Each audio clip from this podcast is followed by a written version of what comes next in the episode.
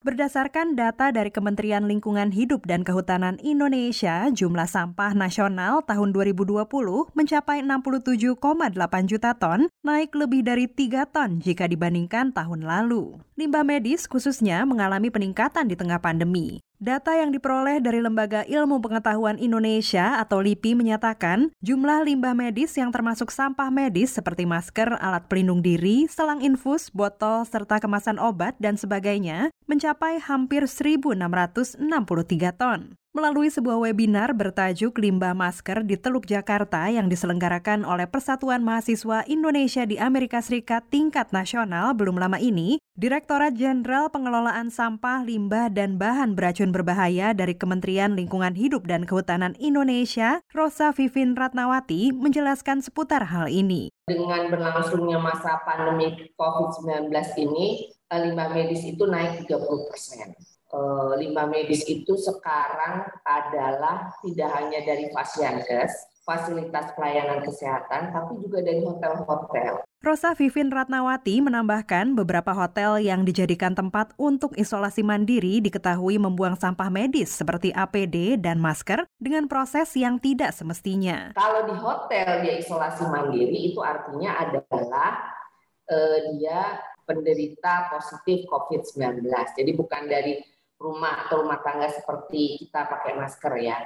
Nah, itu yang memang juga harus dikendalikan. Akibatnya, limbah dan sampah medis yang kebanyakan berbahan plastik banyak ditemukan di lingkungan sekitar atau di tempat pembuangan akhir yang juga menimbulkan resiko tinggi bagi para pemulung. Hasil temuan LIPI bahkan mengatakan sekitar 46 hingga 57 persen sampah plastik pada masa pandemi ditemukan berakhir di muara sungai. Dr. Denita Utami, mahasiswi S2 jurusan Kesehatan Masyarakat di Columbia University New York menanggapi hasil temuan itu. Ditemukan sampah-sampah seperti masker atau sarung tangan itu di pantai, di laut, di tempat-tempat yang tidak semestinya. Dan itu sendiri merupakan suatu kesalahan besar karena sampah medis itu harus dibuang pada tempat yang sesuai dan apabila sudah dipakai sekali itu harus dibuang, tidak boleh digunakan kembali atau di recycle. Pakar lingkungan Gondan Putih Renosari yang bekerja untuk organisasi Nirlaba dan Nature Conservancy di Amerika Serikat menambahkan, sampah medis yang dibuang secara sembarangan juga dapat merusak ekosistem. Selain bahaya bagi lingkungannya, ini bahaya juga bagi fauna ya. Marine life itu burung-burungnya bisa makanin, bisa mengira limbah ini adalah makanan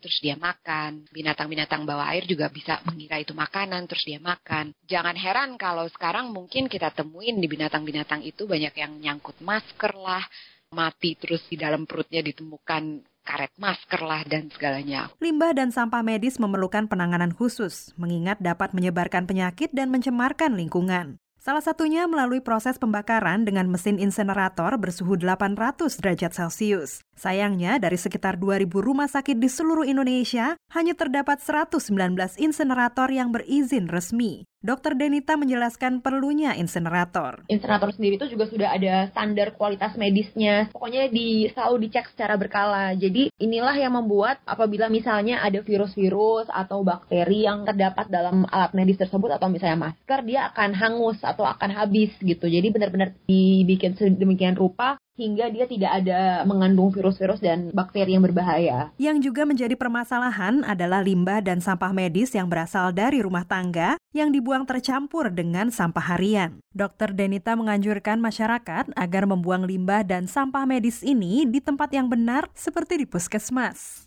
puskesmas itu bisa menyalurkan sampah medis atau sampah masker. Ada juga saran di mana agar tidak didaur ulang, maskernya dipotong-potong. Jadi digunting, baru dibuang.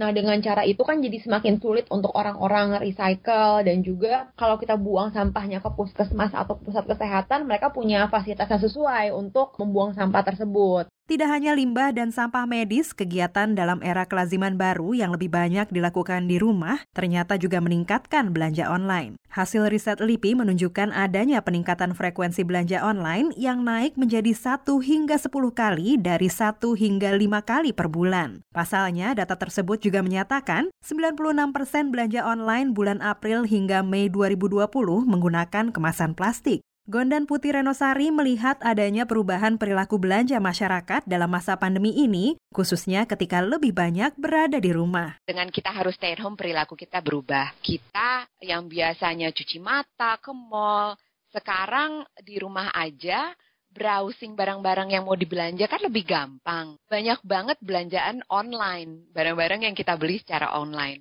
kardus, bungkusan plastik, busa-busa atau packaging beans itu yang banyak nggak biodegradable gitu, jadi nggak bisa didaur ulang. Sehubungan Hari Peduli Sampah Nasional 2021 yang jatuh tanggal 21 Februari di Indonesia, pemerintah berharap momen ini bisa meningkatkan kesadaran masyarakat mengenai peningkatan sampah COVID dan limbah medis di tengah pandemi. Yang paling penting adalah kita harus bisa memilih-milih sampah. Jadi, mana yang harus dibuang sebagai sampah yang recycle, mana yang non-recycle. Dari Washington DC, Dania Iman, VOA.